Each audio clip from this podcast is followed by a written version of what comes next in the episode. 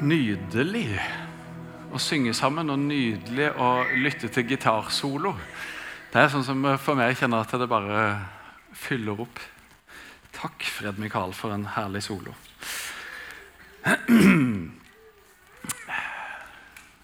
Jeg vet ikke om du noen gang har eh, vært helt tom. Kjent deg helt utkjørt, sliten, kraftløs. Noen gang. Kanskje du føler det sånn nå. Jeg tipper at de fleste har vært innom det der. Hvis du var her på første påske, da, så hørte du at jeg sto her og sa at eh, det var sånn jeg hadde det akkurat da. Tom, kraftløs, livløs. Død på et vis. Ingen krefter, ingen energi, ingen overskudd, ingen glede.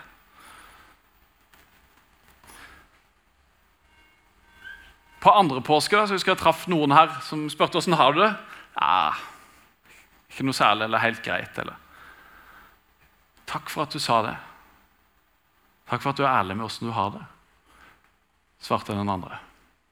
Og Jeg har hørt fra noen av dere i ettertid at det var egentlig utrolig deilig å høre at ikke du har det så bra alltid. Så takk for den oppmuntringa. Nei, jeg syns faktisk det var en oppmuntring. Og det er jo ille hvis dere tror at uh, å være pastor da er liksom alt bra hele tida. Jeg er et menneske akkurat som dere. Og uh, minst like mye i de dype daler som det dere er. Men det er likevel noe godt med å være ærlig, være åpen og gi uttrykk for noe. Og så det en møter, det er omsorg, det er kjærlighet. Og så tror dere det er en sånn slags uh, forståelse på en måte. Ja, men dette kjenner jeg meg jo igjen i. Vi er jo mennesker. Vi har det jo sånn. Alt er ikke bare fint. Det er jo veldig lett når noen spør hvordan har du det fint. Og så rekker en ikke å tenke seg om engang. En bare slenger det ut. Mange ganger så stemmer jo ikke det. Og Jeg har i hvert fall eh, bestemt meg for at når jeg ikke har det sånn, så har jeg lyst til å prøve å svare ærlig på hvordan det er. En trenger ikke alltid å gjøre det liksom fra en talerstol eller i de store folkemengdene. eller ja, Noen ganger er det deilig å bare svare fint, men det, jeg har stor tro på det å våge å snakke sant og ærlig og åpent om livet. Bergprekenen er det vi skal ha som tema de neste tre ukene. Og for å si det sånn, Dere hørte jo når jeg leste i stad, det er utrolig mye å ta av. Så hvor begynner en? på en måte? Hva skal en velge? Eh, og det vet jeg at Kjell Birkeland, som skal tale neste søndag, har tenkt det er jo, eh, ja, det er jo 100 talere. I dag er jeg kanskje innom tre vers eller noe sånt eh, av det. Men det er utrolig mye vi kunne tatt av. Og det er utrolig utfordrende, det som en leser. Hvis ikke du blir utfordra av bergpreken, så må du lese fem ganger til. tror jeg. Altså, det er noe som treffer oss alle. Kanskje du kjente deg litt sånn motløs og demotivert. og ja, Er det håp, liksom? Når jeg leste i stad i møte med teksten, så det, kan iallfall jeg kjenne på det. At uh, her strekker jeg ikke til, her når jeg ikke opp. Og Det er kanskje det viktigste å ta med seg. Bergpreken det er Jesu viktigste undervisning samla i ett. Den fins òg i Lukasevangeliet. Der heter den Slettepreken og er ikke like utfyllende. Og Det er litt sånn omdiskutert med den talen her. og sånn, Var det en hel lang tale? Eller var det noe som Dette var Jesu viktigste undervisning, som han hadde bruddstykker av noen ganger og samla sammen at Matteus samla det sammen og lagde det på en måte til én tale. Da. Jeg tror kanskje at det kan være sånn, og jeg tipper at Hvis de hørte alt dette på en gang, så var det litt mye å fordøye. Jeg leste jo bare ett kapittel, det er to til. Um, så at det er noe i det med at dette var noe som Jesus gjentok flere ganger, det har jeg tro på. Og så er det noen ting som kan være vanskelig å forstå, og som de driver og diskuterer, de her som har peiling på sånne ting.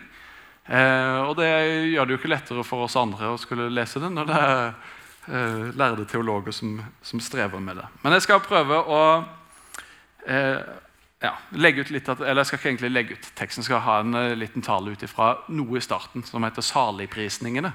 De første versene i bergpreken, der Jesus sier at salige er de som er fattige i ånden, for himmelriket er deres. Salige er de som sørger, for de skal trøstes. Salige er de ydmyke, for de skal arve jorden. Salige er de som hungrer og tørster etter rettferdigheten, for de skal mettes.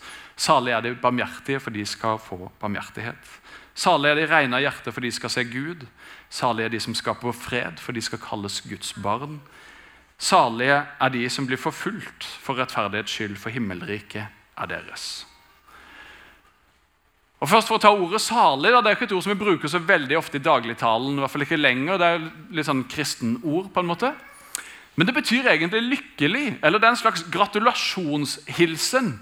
Der du gratuleres med lykke i nåværende og framtid. Så det er egentlig salig. Og det er egentlig et sånn uttrykk som er litt sånn der, Å, så fantastisk godt det er, på en måte. Å, så herlig. Eller jeg hører for meg Kåre Reiner, så er det ikke herlig å være frelst, dere. Eh, det er liksom eh, salighet, for det, det, handler ikke om omstendigheter.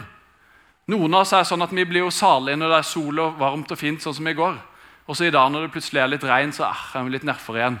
Og det, er Omstendighetene de svinger ikke sant, hvordan vi har det rundt oss. Og Salighet det hviler ikke på omstendigheter, det hviler ikke på det som, ja, er, som er foranderlig rundt oss. Men det hviler på en måte i seg sjøl. da. og i noe større og noe dypere. Så på en måte samling av alt det som står, er salig er det som følger Jesus. Salig er det som følger hans lære, som følger hans ord. Som er lydige mot det han har å gi. Det er den beste veien. Det er den rette veien. Og Det gir en sånn glede og en sånn dyp fred inni hjertet å tilhøre Jesus. Som ja, motgang, og her nevnes det forfølgelser. Sorg.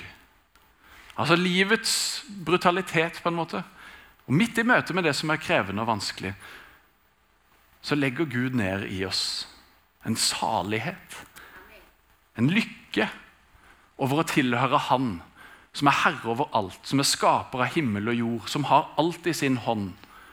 Som vi sang i barnesangen, hvor, hvor Gud er så stor, så sterk og så mektig. Det er ingenting han ikke kan. Og det er en sannhet. Det er ikke en eller annen gøyal barnesang med noen bevegelse til. Men vår Gud han er så stor og så sterk og så mektig. Det fins ingenting som han ikke kan. Og Når det får lande i oss, så gir det oss en trygghet, en glede, en fred, en salighet. Og Det er det som vi får presentert her. Og Det kan jo høres ut som selvmotsigelse. Salig er de fattige i ånden. Eller fattige i seg selv er en annen oversettelse. Den liker jeg enda bedre. For fattig i ånden det blir for meg sånn, Hva betyr det? Det skjønner jeg ikke. Men fattig i seg sjøl. Ja, jeg er fattig. Jeg har ingenting. Og det ordet her for fattig, det er ikke bare at en ja, eh, ikke har nok, på en måte. Altså, en har ingenting. En har ingenting. Og salige, lykkelige. De kan være glade og prise seg av fryde. og Det er, det er sånn hoppe av gledesalighet. er det som har ingenting. Det her høres ut som en selvmotsigelse. Og det kommer igjen flere ganger her. Og så er det noe med at i de der paradoksene der ligger det en spenning og der ligger det en kraft. For det der som var når Jens Petter Jørgensen var, så snakka han om akkurat det der i paradokset. Der ligger det ja, en sånn spesiell kraft. Og jeg tror det er noe der med ærlighet og sårbarhet. Og å komme til kort, på en måte, som gir Gud en anledning til å gripe inn. Og Det tror jeg er hovedbudskapet. Altså Det er hovedbudskapet i evangeliet. Og saligprisningene er en Eh, ja, en evangelieformidling i kortform. Og bergprekenen viser oss evangeliet. For det viser oss at vi kommer til kort. I møte med Gud så har vi ingenting i oss sjøl å stille opp med. Og Noen ganger så kan vi føle oss ovenpå. Livet er godt, og jeg fikser mye, og jeg har det bra, og ting går min vei. og Jeg er jo ganske flink. og ikke sant? Vi har det godt. Men allikevel, i møte med Gud, så har vi ingenting å stille opp med. Han er hellig, han er ren. Vi er syndere. Vi får ikke til de her tinga som han lister opp. Vi snubler og faller. Og Når vi innser det, at det eneste jeg har innenfor Gud, det er to tomme hender Jeg har ingenting å komme med annet enn to tomme hender. Og Når vi gir det lille og det ingenting som vi har, så tar han det imot, og så forvandler han det til noe. Han skaper noe ut av ingenting. Det er jo bare han som kan det. Og han gjør det i våre liv. Så lenge vi tror at vi på en måte fikser ting og er litt flinke og får ting til litt, så tror jeg ikke at Gud får den samme anledningen til å slippe til i livet vårt. Og det er evangeliet. Det handler om å, å gi slipp. Og la Gud komme til. Og si at Gud, jeg fikser det ikke. Jeg får det ikke til. Jeg har ikke noe å stille opp med. Jeg klarer det ikke. Men det jeg har, det vil jeg gi til deg. Det er som de to fiska og fem brød som Jesus brukte til å mette 5000. Det bitte lille, som egentlig var ingenting. Det velsigner han, og så blir det til noe stort. Og det er evangeliet. Salig er de som har innsett at de ikke har noe som helst å komme inn for Gud, men er totalt avhengig av Han. Himmelriket er de sitt, som har innsett at 'jeg trenger Gud'. Og Da er han nådefull og god, og så kommer han oss i møte. Når vi bøyer oss for han og ser hva har jeg å stille opp med, hva har jeg å komme med. Salig er de som sørger, står det videre. og Det er den ordet som brukes her om sorg. Den dypeste sorg. Sorg over å ha mista noen som du var glad i.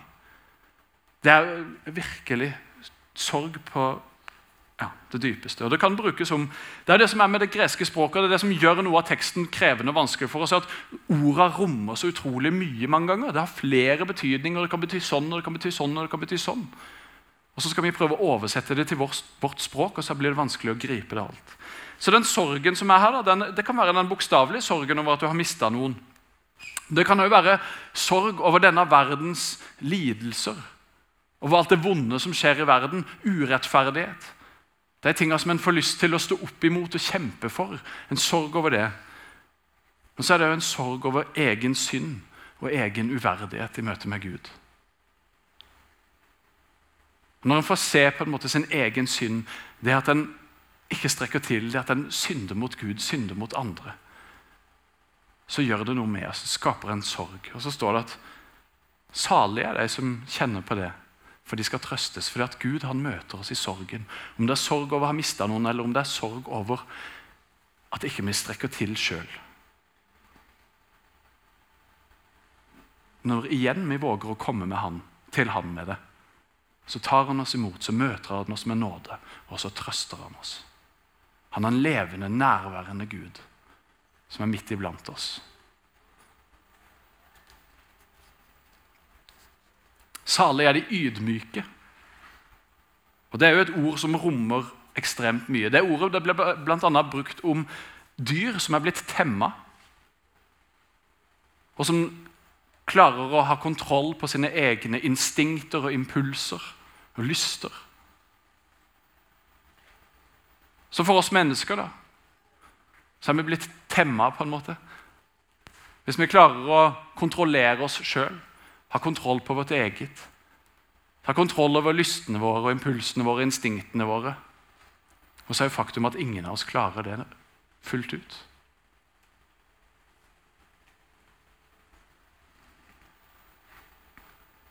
Og På den måten så blir vi ydmyka under Gud. Vi klarer ikke å være Gud i eget liv. Vi klarer ikke alltid å gjøre det rette.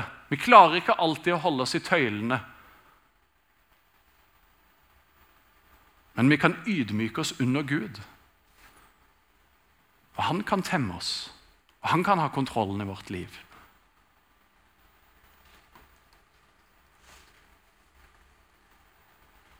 Så salig er de ydmyke, det som ydmyker seg under Gud.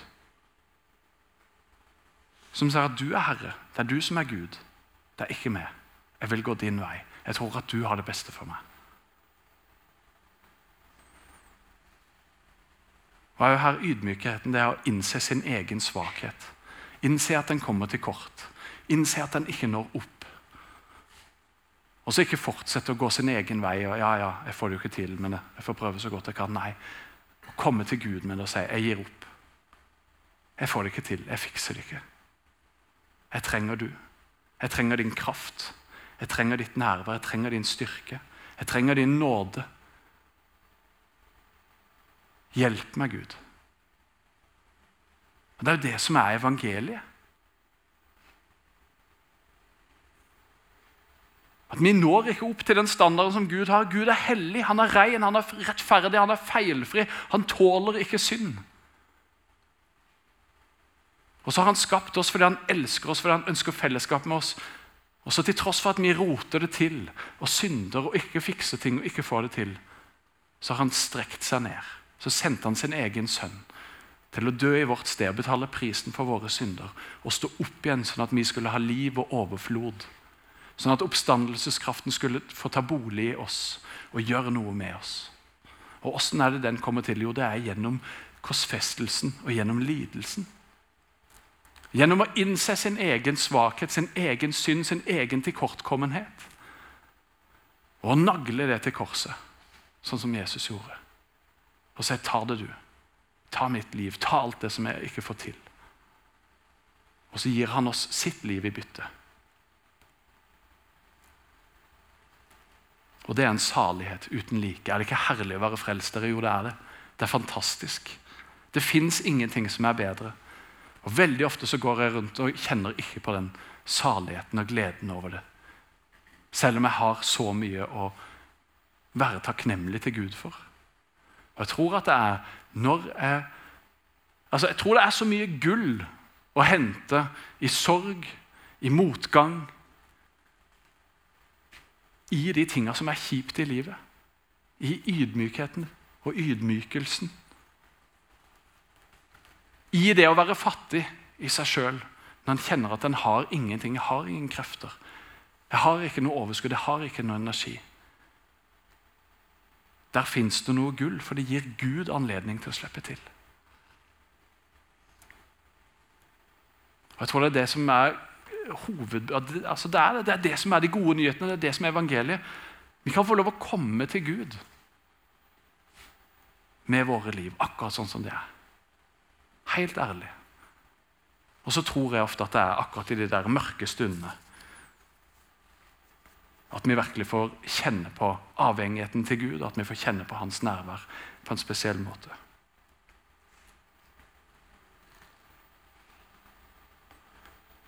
I mørket får Guds lys skinne. I mørket får Guds lys skinne. I fattigdom innser vi rikdommen i Gud. Og i sorgen får vi virkelig trøst.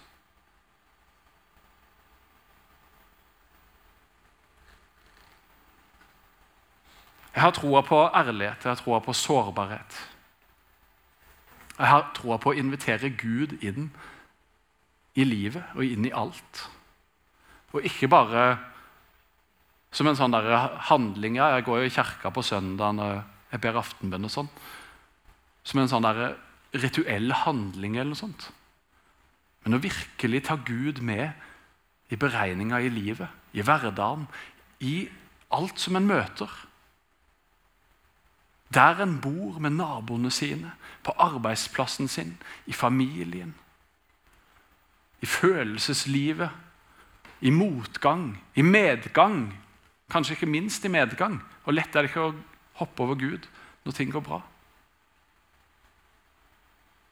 Og Jeg tror at i sårbarheten, i ærligheten og i det å være ekte overfor Gud og overfor andre, så gir min Gud en spesiell anledning til å slippe til.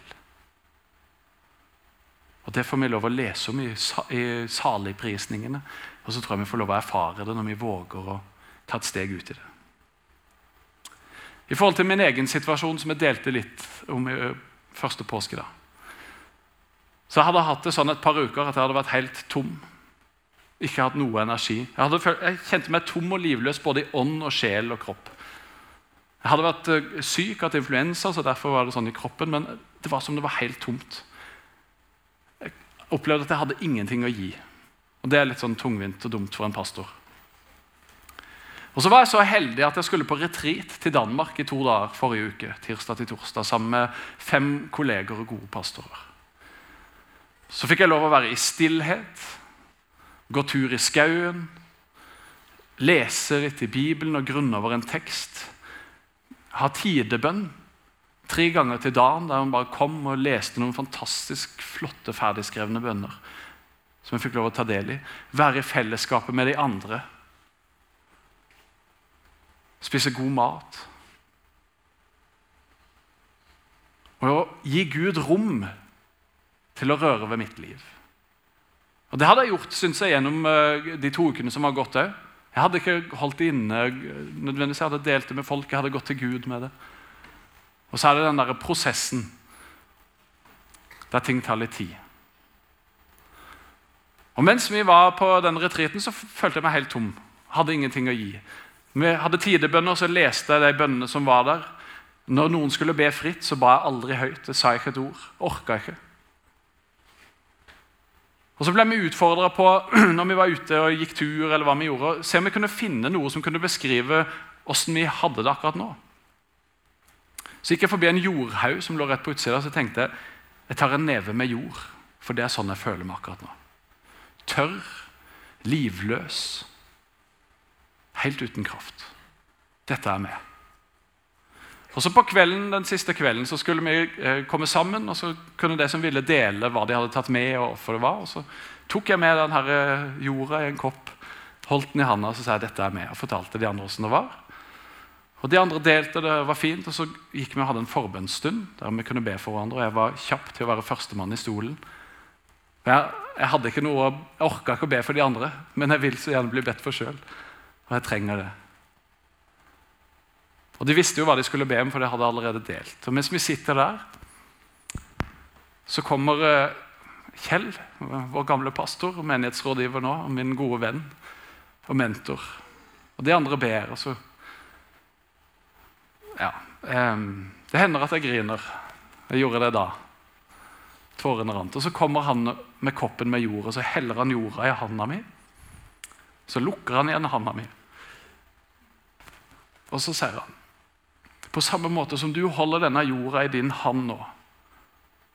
Den kjennes tørr og livløs. Sånn holder Gud det i sin hand. Akkurat sånn som du har det. Akkurat sånn som du føler det. Og Så bar det videre, og tårene strømma. Og det gjorde så uendelig godt, det å ha en sånn fysisk, konkret greie. Og det å kjenne omsorgen til de andre som la hendene på og ba til den Gud som alt er mulig for. Og Så kjentes det godt, og så var det fint, og så måtte jeg bare gå på badet litt og tørke snørr og tårer. Og sånn. Og så var det forunderlig at når jeg kom tilbake, og nestemann hadde satt seg for å be, så hadde jeg plutselig ord igjen. Så hadde jeg noe å gi til den neste som satt der. Så var jeg med å be for de fem andre, fordi at jeg hadde fått erfare at Gud holdt meg i sin hånd. At hans oppstandelseskraft den fikk ta bolig med. Midt i min svakhet, midt i min tilkortkommenhet, midt i min fattigdom og avhengighet av han, så kom han. Og Så var det sikkert tilfeldig at det skjedde der. eller det var som sagt en del av en prosess. Det kunne like gjerne ha skjedd på et annet sted, men det var sånn det skjedde for meg denne gangen. Og Så fikk jeg ny energi og ny kraft og ny glede. Guds oppstandelseskraft. Og den trenger vi i våre liv. Vi har det kjipt, vi har det drit, vi er tomme noen ganger. Men vi har med en Gud å gjøre som er større enn det. Og som har den sterkeste kraften i universet. Den som reiste Jesus opp fra grava. Og den får vi lov å ta del i og ta imot. Ikke fordi at vi er så innmari flinke, nei, til tross for. Til tross for at vi svikter og feiler og er tomme og ikke har noe å komme med. Men når det er det vi gir, så får vi kraften igjen. Så får vi Hans nåde, Hans godhet og Hans kjærlighet. Hans salighet. Som gjelder for dette livet, og som gjelder for evigheten. Da kan lovsangerne komme fram. Så skal de synge en sang for oss før vi skal dele natta, som heter 'Gi rom'. Jeg tenker at eh, ja, La oss gi rom for at Gud kan komme og røre ved oss. For at han kan komme nær. La oss gjøre det her og nå. Bare lytt til teksten. La oss gjøre det i livet vårt. Herre Jesus, jeg takker deg for at du er levende, du er nærværende, du er god, du er til stede her og nå. Takk for at uh, du ikke er avhengig av hva vi får til, eller åssen vi har det. Eller. Men du møter oss akkurat der vi er. Kom du, Hellige Ånd, og rør ved oss i dag. Amen.